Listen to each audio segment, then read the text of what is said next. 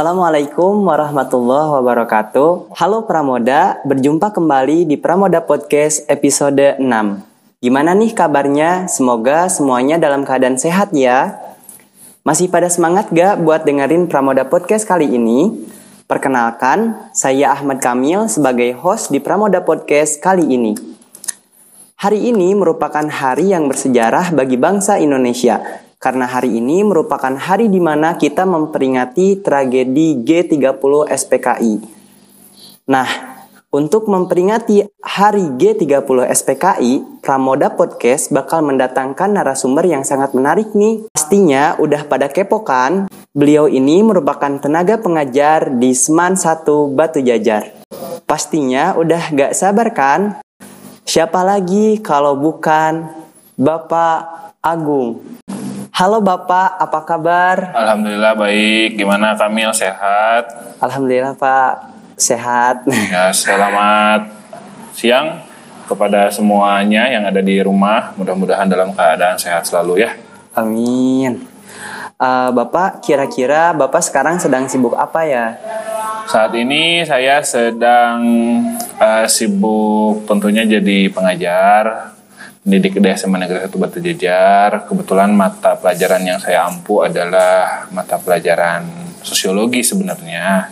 Cuma saya juga membantu untuk mengampu mata pelajaran sejarah. Kemudian yang kedua kesibukan saya saat ini saya sedang berkuliah di salah satu universitas swasta di daerah Bandung uh, melanjutkan studi saya terkait dengan ilmu pengetahuan sosial. Mudah-mudahan lah ya uh, lancar semuanya kegiatan saya. Amin Pak. ya kami yang sibuk apa sekarang?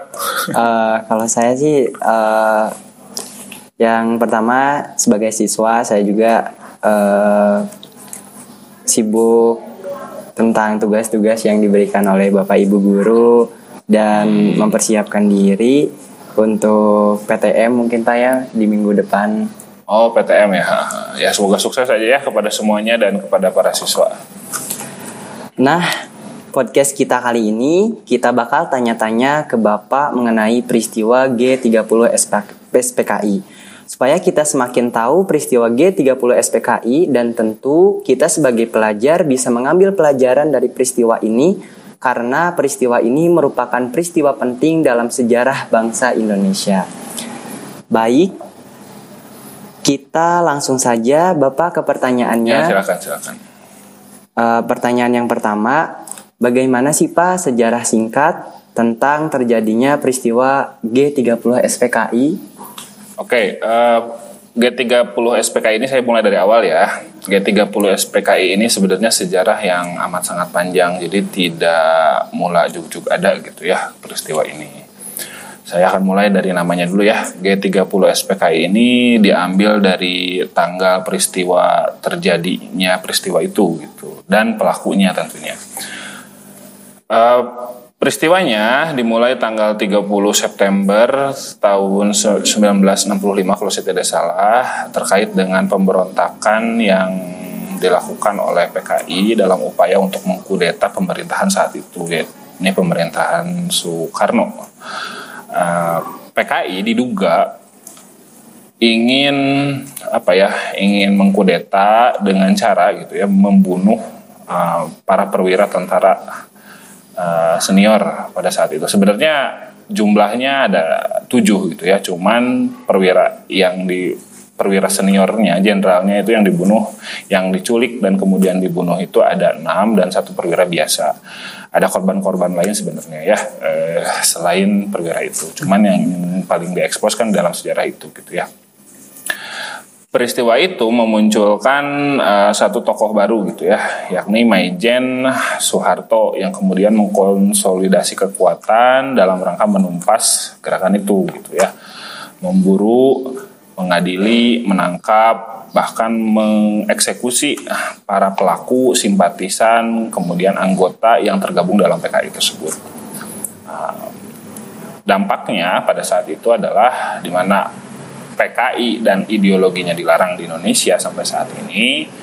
Kemudian dan dalam proses yang sangat rumit Soekarno lengser dan kemudian presidennya diganti uh, Soeharto beberapa tahun atau beberapa bulan kemudian saya lupa gitu ya nah, Soeharto. Yang menjadikan Soeharto menjadi presiden dalam rangka yang dalam jangka waktu yang panjang cukup panjang artinya 32 tahun. Peristiwa itu terus dikenang sampai sekarang. Kemudian peristiwa itu menjadi bahan pelajaran bagi kita. Nah, hal ini ya ini itu setidaknya yang kira-kira buku dan guru ajarkan kepada kita gitu ya selama ini tapi sebenarnya ini bagi saya bahwa peristiwa G30 SPK ini adalah peristiwa yang menurut saya itu paling kontroversi, paling banyak versinya serta paling banyak teori konspirasinya gitu ya. ya. Jadi kalau kita lihat uh, pertama apakah kejadian itu benar-benar ada gitu ya. Benar-benar seperti itu fakta bahwa jenderal tersebut dibunuh gitu ya dan diculik dan dibunuh itu benar fakta ada. Tapi apakah kejadiannya seperti itu? Uh, banyak yang dipertanyakan gitu ya. Uh, sebagai contoh bahwa terdapat banyak teori mengenai hal tersebut. Siapa dalangnya? Wah banyak sekali gitu ya yang menduga-duga. Para sejarawan dan akademisi terkenal gitu ya memberikan berbagai macam tanggapan terkait dengan peristiwa tersebut berbedanya kesimpulan dari sejarawan tersebut itu membuktikan bahwa peristiwa tersebut sangat rumit gitu ya. Tidak hanya sebatas cerita yang diajarkan di sekolah saja namun mengandung cerita-cerita yang sampai saat ini belum terungkap dan mungkin tidak akan terungkap gitu. Nah, hanya saja bagi saya gitu ya G30 SPK itu adalah harus dianggap tidak sebagai tragedi lagi gitu tapi dianggap sebagai suatu wawasan di mana peristiwa tersebut membangun bangsa Indonesia sampai saat ini Begitu kira-kira lah singkatnya ya. Jadi peristiwa kudeta yang dilakukan oleh upaya kudeta yang dilakukan oleh PKI terhadap pemerintahan saat itu. Itu ya, singkatnya. Uh, baik Pak. Uh, pertanyaan yang selanjutnya Pak, pertanyaan yang kedua. Siapakah yang bertanggung jawab atas terjadinya peristiwa G30 SPKI Pak? Yang diekspos tentunya adalah pelakunya kan PKI gitu ya. Nah, yang paling bertanggung jawab ya tentunya ketua PKI-nya pada saat itu di Nusantara Aidit. Cuman nih dalam teori-teori lain disebutkan bahwa peristiwa itu sebenarnya adalah konspirasi gitu. Konspirasi dari siapa? Dari banyak ya, dari banyak orang. Misalnya konspirasi dari Amerika gitu. Ada yang menyebut kayak gitu ya, yang tidak ingin bahwa negara-negara ASEAN itu masuk ke dalam uh, negara komunis. Karena kan pada saat itu Amerika itu sedang melaksanakan perang dingin ya dengan Uni Soviet. Amerika berupaya gitu ya dari ideologi liberalisnya untuk melawan Soviet gitu ya eh, dengan menjadikan negara-negara sekutu itu sebagai negara liberal. Nah, ASEAN pada saat itu banyak negara yang menjadi komunis. Misal ya Vietnam menjadi komunis, Myanmar komunis. Jangan sampai gitu ya. ya Indonesia menjadi negara komunis juga. Uh, maka dibuatlah konspirasi seperti itu. Ada yang menyebut demikian. Ada yang menyebut bahwa peristiwa tersebut dalangnya mohon maaf nih ya, itu rekaan Soeharto untuk mengambil alih kepemimpinan saat itu. Ada yang menyebut demikian. Ada yang menyebut bahwa uh, teori lain ya, ada yang menyebut bahwa peristiwa itu sebenarnya cuma chaos aja gitu ya. Chaos itu kekacauan yang di luar kendali aja. Karena sampai saat ini saksi-saksi dan bukti-bukti yang ada itu sangat kurang untuk menyimpulkan apa yang terjadi pada saat itu. Peristiwa itu keji luar biasa, ya itu adalah fakta, gitu ya. Cuman respon dari pemerintah pada saat itu juga keji luar biasa terhadap simpatisan PKI adalah juga fakta yang tidak boleh diabaikan. Tapi seolah-olah kan versi-versi itu tidak dibahas gitu di dalam uh, sejarah kita. Seolah-olah kita dibuat tutup mata hanya uh, pada satu versi saja. Saya berharap sih Uh, kita tidak hanya mempelajari satu versi kalau dalam sejarah kan begitu ya tapi juga mempelajari versi-versi yang lain lalu mengambil kesimpulan bagi diri kita sendiri. Tidak harus sama dengan orang lain tapi ikan pembelajaran bagi kita kita lebih bersikap kritis terhadap peristiwa-peristiwa itu. Gitu. Uh, baik pak. Uh, pertanyaan selanjutnya apa yang menjadi pemicu terjadinya peristiwa G30 SPKI ini?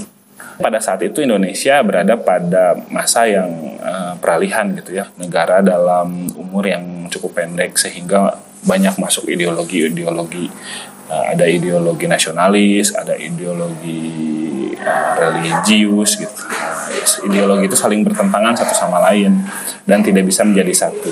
Nah, itulah awal permula permulaan daripada bagi 30 SPKI. Nah, pada saat itu juga tidak hanya di Indonesia sebenarnya, tapi peristiwa-peristiwa tersebut ada eh, di luar Indonesia juga gitu ya. Nah, puncaknya sih di Indonesia adalah peristiwa G30 SPKI. Sebelumnya pernah ada juga pemberontakan serupa di Madiun misalnya ya, juga dilakukan oleh PKI. Jadi kalau ditanya apa pemicunya banyak ya. Pemicunya adalah melemahnya Soekarno pada saat itu bisa gitu ya. Pemicunya kemudian keinginan bahwa untuk menjadikan Indonesia negara komunis dari pihak PKI bisa. Kemudian eh, pemicunya perang dingin bisa gitu ya. Perang dingin Amerika antar Soviet bisa. Kemudian masuknya berbagai macam senjata ke Indonesia yang diakomodir oleh Cina pada saat itu bisa. Jadi semuanya peristiwa itu terangkum dalam peristiwa yang amat rumit nah, dan dipuncaki oleh peristiwa G30 SPKI. Apa pemicunya? Pak Belit gitu ya, susah. Yang jelas bahwa pemicunya ada kejadian itu, TNI merespon. Gitu. Begitu ya, menurut saya gitu. Oh iya Pak, baik Pak. Pertanyaan selanjutnya Pak, mengapa saat itu Indonesia ingin dijadikan negara komunis ya Pak? Nah, pada saat itu ideologi komunis itu sedang berkembang pesat. PKI menganggap bahwa dengan mengambil alih gitu ya eh, negara Indonesia menjadikan komunis, dirasa bahwa bangsawan, tidak ada lagi penguasa yang berdiri di atas orang lain, tidak ada lagi orang yang menindas orang yang lemah gitu ya, nah, orang kaya menindas orang yang miskin dan sebagainya itu akan tidak ada diambil oleh komunis. Secara umum eh, tujuannya benar, manca yang sulit untuk diterima gitu ya dengan melakukan hal itu, apakah hal itu benar sesuai dengan nilai-nilai yang dianut oleh Indonesia? Nah, itu kan pertanyaannya. Kalau ditanya mengapa ingin menjadikan negara komunis, ya karena ideologinya demikian. Ideologinya mengharuskan negara menjadi komunis agar kelas-kelas sosial pada saat itu tidak ada gitu ya. Tidak ada lagi bangsawan, semua sama rasa, sama penanggungan, sama kaya gitu pada saat itu. Tuh ideologinya kayak gitu. Begitu sih Kamil menurut saya ya, sepemahaman saya ini mah ya. Kalau salah mungkin nanti teman-teman bisa komentari uh, terkait dengan pemahaman saya. Silakan. Baik Bapak, pertanyaan yang selanjutnya. Apa yang akan terjadi Pak jika PKI berhasil menjadikan Indonesia sebagai negara komunis Pak? Uh, tidak ada yang tahu sebenarnya ya terkait dengan apa yang terjadi ke depannya. Yang pasti tidak akan seperti sekarang. Uh, begini ya, komunisme itu kan suatu ideologi ekspresi dari ideologi orang itu beda-beda. Ada yang ekstrim, ada yang enggak. Beberapa negara komunis seperti Vietnam itu justru mengakomodir berbagai macam kepercayaan seperti agama di Vietnam bebas beragama negaranya komunis gitu. Che Guevara misalnya ya eh, di Amerika Latin menggunakan komunis sebagai upaya untuk terbebas dari penjajahan. Caranya beda-beda baratnya agama lah. Ada ada yang ekstrim dalam beragama, ada orang yang lebih demokratis dalam beragama, ada yang tradisional dan sebagainya. Caranya beda-beda, tapi agamanya sama. Makanya memandang komunis itu nggak boleh hitam putih gitu. Nggak boleh benar dan salah memandang ideologi. Apakah komunis itu jahat atau enggak? Lebih beragam. Karena kan penerapannya beda-beda gitu ya. Saya nggak bilang bahwa komunis itu benar gitu, enggak. Cuman penerapannya beda-beda baik tidaknya diterapkan kan tergantung bagaimana orangnya gitu ya. Tergantung bagaimana orang yang menjalankannya. Hanya saja jika Indonesia jadi negara komunis sepertinya akan banyak ada batasan-batasan yang memang tidak bisa dinikmati sekarang. Tapi saya sih bersyukur sih Indonesia sudah ada pada tahap saat ini. Kita mampu mengemukakan pendapat kemudian kita hidup menjadi negara yang demokrasi, hidup dalam keberagaman gitu ya. Nah, inilah hal yang patut disyukuri gitu dari Indonesia sekarang gitu. Begitu ya.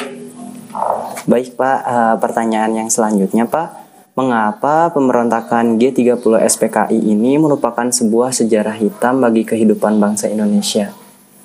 Uh, mengapa? Nah, ya Pertama ini terkait doktrin sebenarnya ya, Harto bagi saya. Saya menganggap bahwa peristiwa ini adalah peristiwa sejarah biasa aja, sama dengan peristiwa-peristiwa lainnya.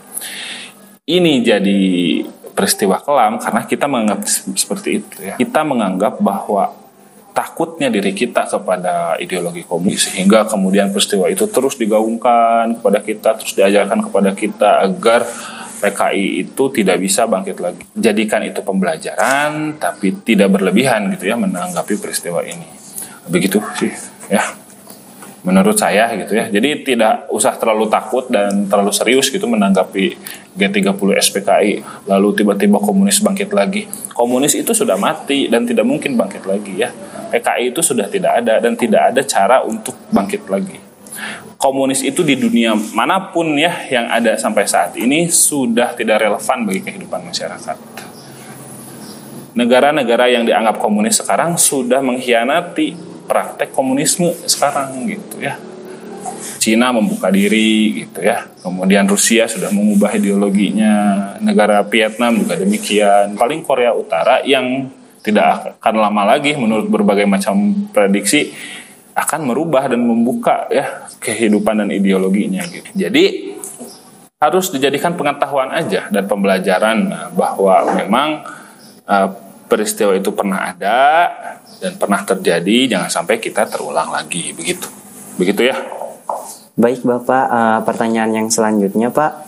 Uh, peristiwa G30 SPKI terjadi karena adanya komunis Bagaimana hmm. cara kita untuk menghindar dari komunisme di masa sekarang? Tidak perlu dihindari.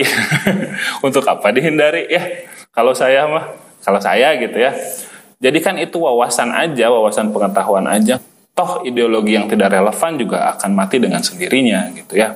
Begini ya, dalam Pancasila itu ada komunisnya. Kita lihat nih, Pancasila sila terakhir keadilan sosial bagi seluruh rakyat Indonesia itu ide-ide sosialis ya. Ide-ide komunis gitu. Waktu itu, waktu merumuskan Pancasila, berbagai macam ideologi dimasukkan oleh Soekarno. Ada religius, ketuhanan yang Maha Esa. Kemudian kedua tuh kemanusiaan yang adil dan beradab, humanisme. Yang ketiga itu persatuan, nah, persatuan Indonesia, nasionalisme, yang kerakyatan yang dipimpin oleh hikmat kebijaksanaan demokratis ya gitu ya semuanya disatukan menjadi satu lalu kenapa harus dihindari Karl Marx yang dianggap bapak komunisme sebenarnya ya salah satunya dia terinspirasi dari Indonesia dia membaca History of Japa Kemudian dia terilhami, ya salah satunya ya, kan banyak ya, Karl Marx itu banyak terilhami. Nah, Karl Marx terilhami dari bagaimana kehidupan masyarakat Jawa yang bisa bertahan tanpa tanpa adanya pimpinan kepemimpinan yang sah, kemudian hidup secara gotong royong, ya hidup. Karl membuat ide yang namanya komunisme. Gitu. Dalam bukunya Das Kapitalis, Karl Marx itu menyatakan demikian gitu. Maka komunisme sebenarnya terinspirasi juga dari dari kultur dan masyarakat Jawa di Indonesia sebenarnya gitu ya. Untuk apa dihindari itu kan ya menurut saya. Membahas ideologi itu nggak bisa hitam putih kayak tadi ya ambil sisi baiknya pilih sisi baiknya singkirkan sisi buruknya masukkan hal-hal yang baik buang hal-hal yang buruk gitu ya. Terapkan di kita hal-hal yang baik dari komunis dari negara-negara paling liberal yang anti komunis sekalipun sebenarnya secara tidak langsung menerapkan komunisme. Terkait dengan subsidi. Subsidi itu ide komunis kalau kalian ingat ya mahasiswa itu kalau dicabut subsidinya demo gitu ya. Itu tuh subsidi itu ide komunisme. Di mana hasil kekayaan negara itu dibagikan kepada rakyat secara gratis dan percuma gitu ya. itu tuh ide komunisme gitu. Tapi kan kita nggak mau gitu ya menganggap itu komunisme lalu kita ambil aja gitu ya. E, simbol-simbolnya dihilangkan yang penting mah bukan komunis padahal itu salah satu dari bagian daripada ideologi komunisme. Amerika misalnya menerapkan pajak progresif ya pajak gitu ya eh, pajak itu kalau yang orang kaya mah segini orang miskin mah segini gitu ya beda-beda itu adalah ide komunisme gitu. tapi diterapkan jadi negara yang paling miskin pun secara tidak langsung menerapkan asas ideologi komunisme secara nggak langsung gitu ya jadi gak perlu dihindari. Ambil yang baik, buang yang buruk. Uh, terkait komunisme itu anti Tuhan dan sebagainya. Baik komunisme dan ateis itu adalah dua hal yang berbeda gitu ya. Ya buang hal itunya gitu. Maksud maksud saya tuh kayak gitu ya. Ambil sisi baiknya karena nggak bisa gitu di dia. Ah, ya. Soekarno yang lebih pintar dari kita itu dalam alam pikirannya dia bisa menggabungkan antara komunisme nasionalisme dan religius yang disebut dengan nasakom nasionalis, agama dan komunis dalam alam pikirannya gitu ya bisa kata Soekarno itu adalah walaupun dia gagal gitu ya pada akhirnya tapi dalam alam pikiran Soekarno itu bisa gitu uh, orang pendiri negara kita itu tidak tidak semerta-merta menghilangkan ideologi tapi mengambil hal yang baik dan membuang hal yang buruk gitu. Nah, sifat kita itu harus diteladani kayak gitu gitu ya bahwa PKI melakukan hal yang buruk dan keji itu fakta dan benar adanya. Tapi tidak lantas kita jadi apa ya ketakutan gitu ya. Tidak lantas kita menjadi ketakutan berlebihan terhadap komunisme. Uh, santai aja, biasa aja, uh, ya. Lalu kita pelajari hal itu sebagai bagian daripada wawasan pengetahuan. Begitu menurut saya sih. Baik Bapak, uh, pertanyaan yang terakhir nih Pak Bagaimana cara kita sebagai pelajar memperingati hari G30 SPKI? Yang pertama dengan cara belajar ya, karena tugas pelajar adalah belajar. Jika tidak belajar bukan pelajar. Ya, belajar apa? Peristiwanya G30 SPKI itu bagaimana? Bagaimana cara mempelajari peristiwa itu? Ya, pelajarilah secara kritis. Jangan ditelan bulat-bulat ya Eh, kita bandingkan berbagai macam gitu ya eh, versi-versi dari kejadian itu lalu kita ambil konklusi mana yang paling tepat yang kita ambil gitu. Jangan sampai kalian termakan hoak, jangan sampai kalian itu termakan dalam doktrin-doktrin justru akan merugikan diri kalian sendiri. Belajar yang paling benar adalah belajar dengan cara yang paling kritis. Kayak sinis gitu ya.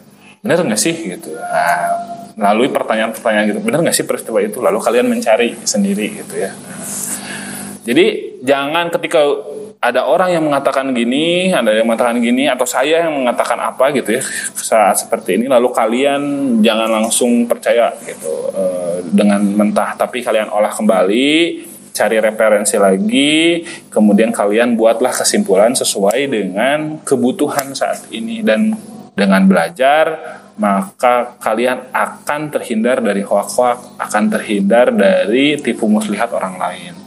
Dan itu juga kalian akan terhindar dari apa yang namanya komunisme gitu ya. Dan ideologi-ideologi lain yang merugikan kalian. Karena dengan itu kalian akan tahu gitu ya bahwa hal itu tuh nggak bisa diterapkan di Indonesia. Hal itu tuh nggak mungkin gitu kan kalau dengan berpikir kritis dengan kayak gitu tuh ya.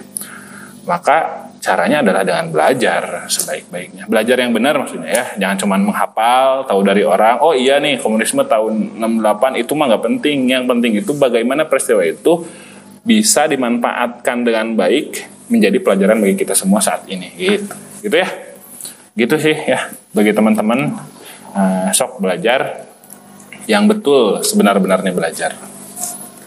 Baik Bapak, terima kasih telah menjawab pertanyaan yang saya sampaikan. Semoga dengan terjawabnya pertanyaan yang saya sampaikan oh. bisa menambah wawasan kita, pengetahuan kita seputar peristiwa G30 SPKI. Oke, terima kasih. Saya sampaikan juga ya kepada teman-teman. Mohon maaf apabila banyak kesalahan. Silahkan, yang saya juga manusia terkait dengan hal ini. Nah, saya harap sih teman-teman untuk mencari lebih lanjut terkait dengan informasi ini, mari kita peringati hal tersebut tidak lagi sebagai tragedi, sebagai sesuatu hal yang menakutkan. Kita pelajari tersebut, eh, apa ya, pelajari hal tersebut sebagai wawasan pengetahuan kita. Begitu ya. Terima kasih semuanya. Terima kasih Kamil. Terima kasih para pendengar. Terima kasih kepada panitia. Assalamualaikum warahmatullahi wabarakatuh. Waalaikumsalam warahmatullahi wabarakatuh. Pesan yang bagus nih dari Bapak buat para pendengar Pramoda Podcast di rumah. Semoga pesan yang disampaikan ini berguna buat kita semuanya ya. Baik, terima kasih Bapak atas kesediaan waktu menjadi narasumber di Pramoda Podcast kali ini.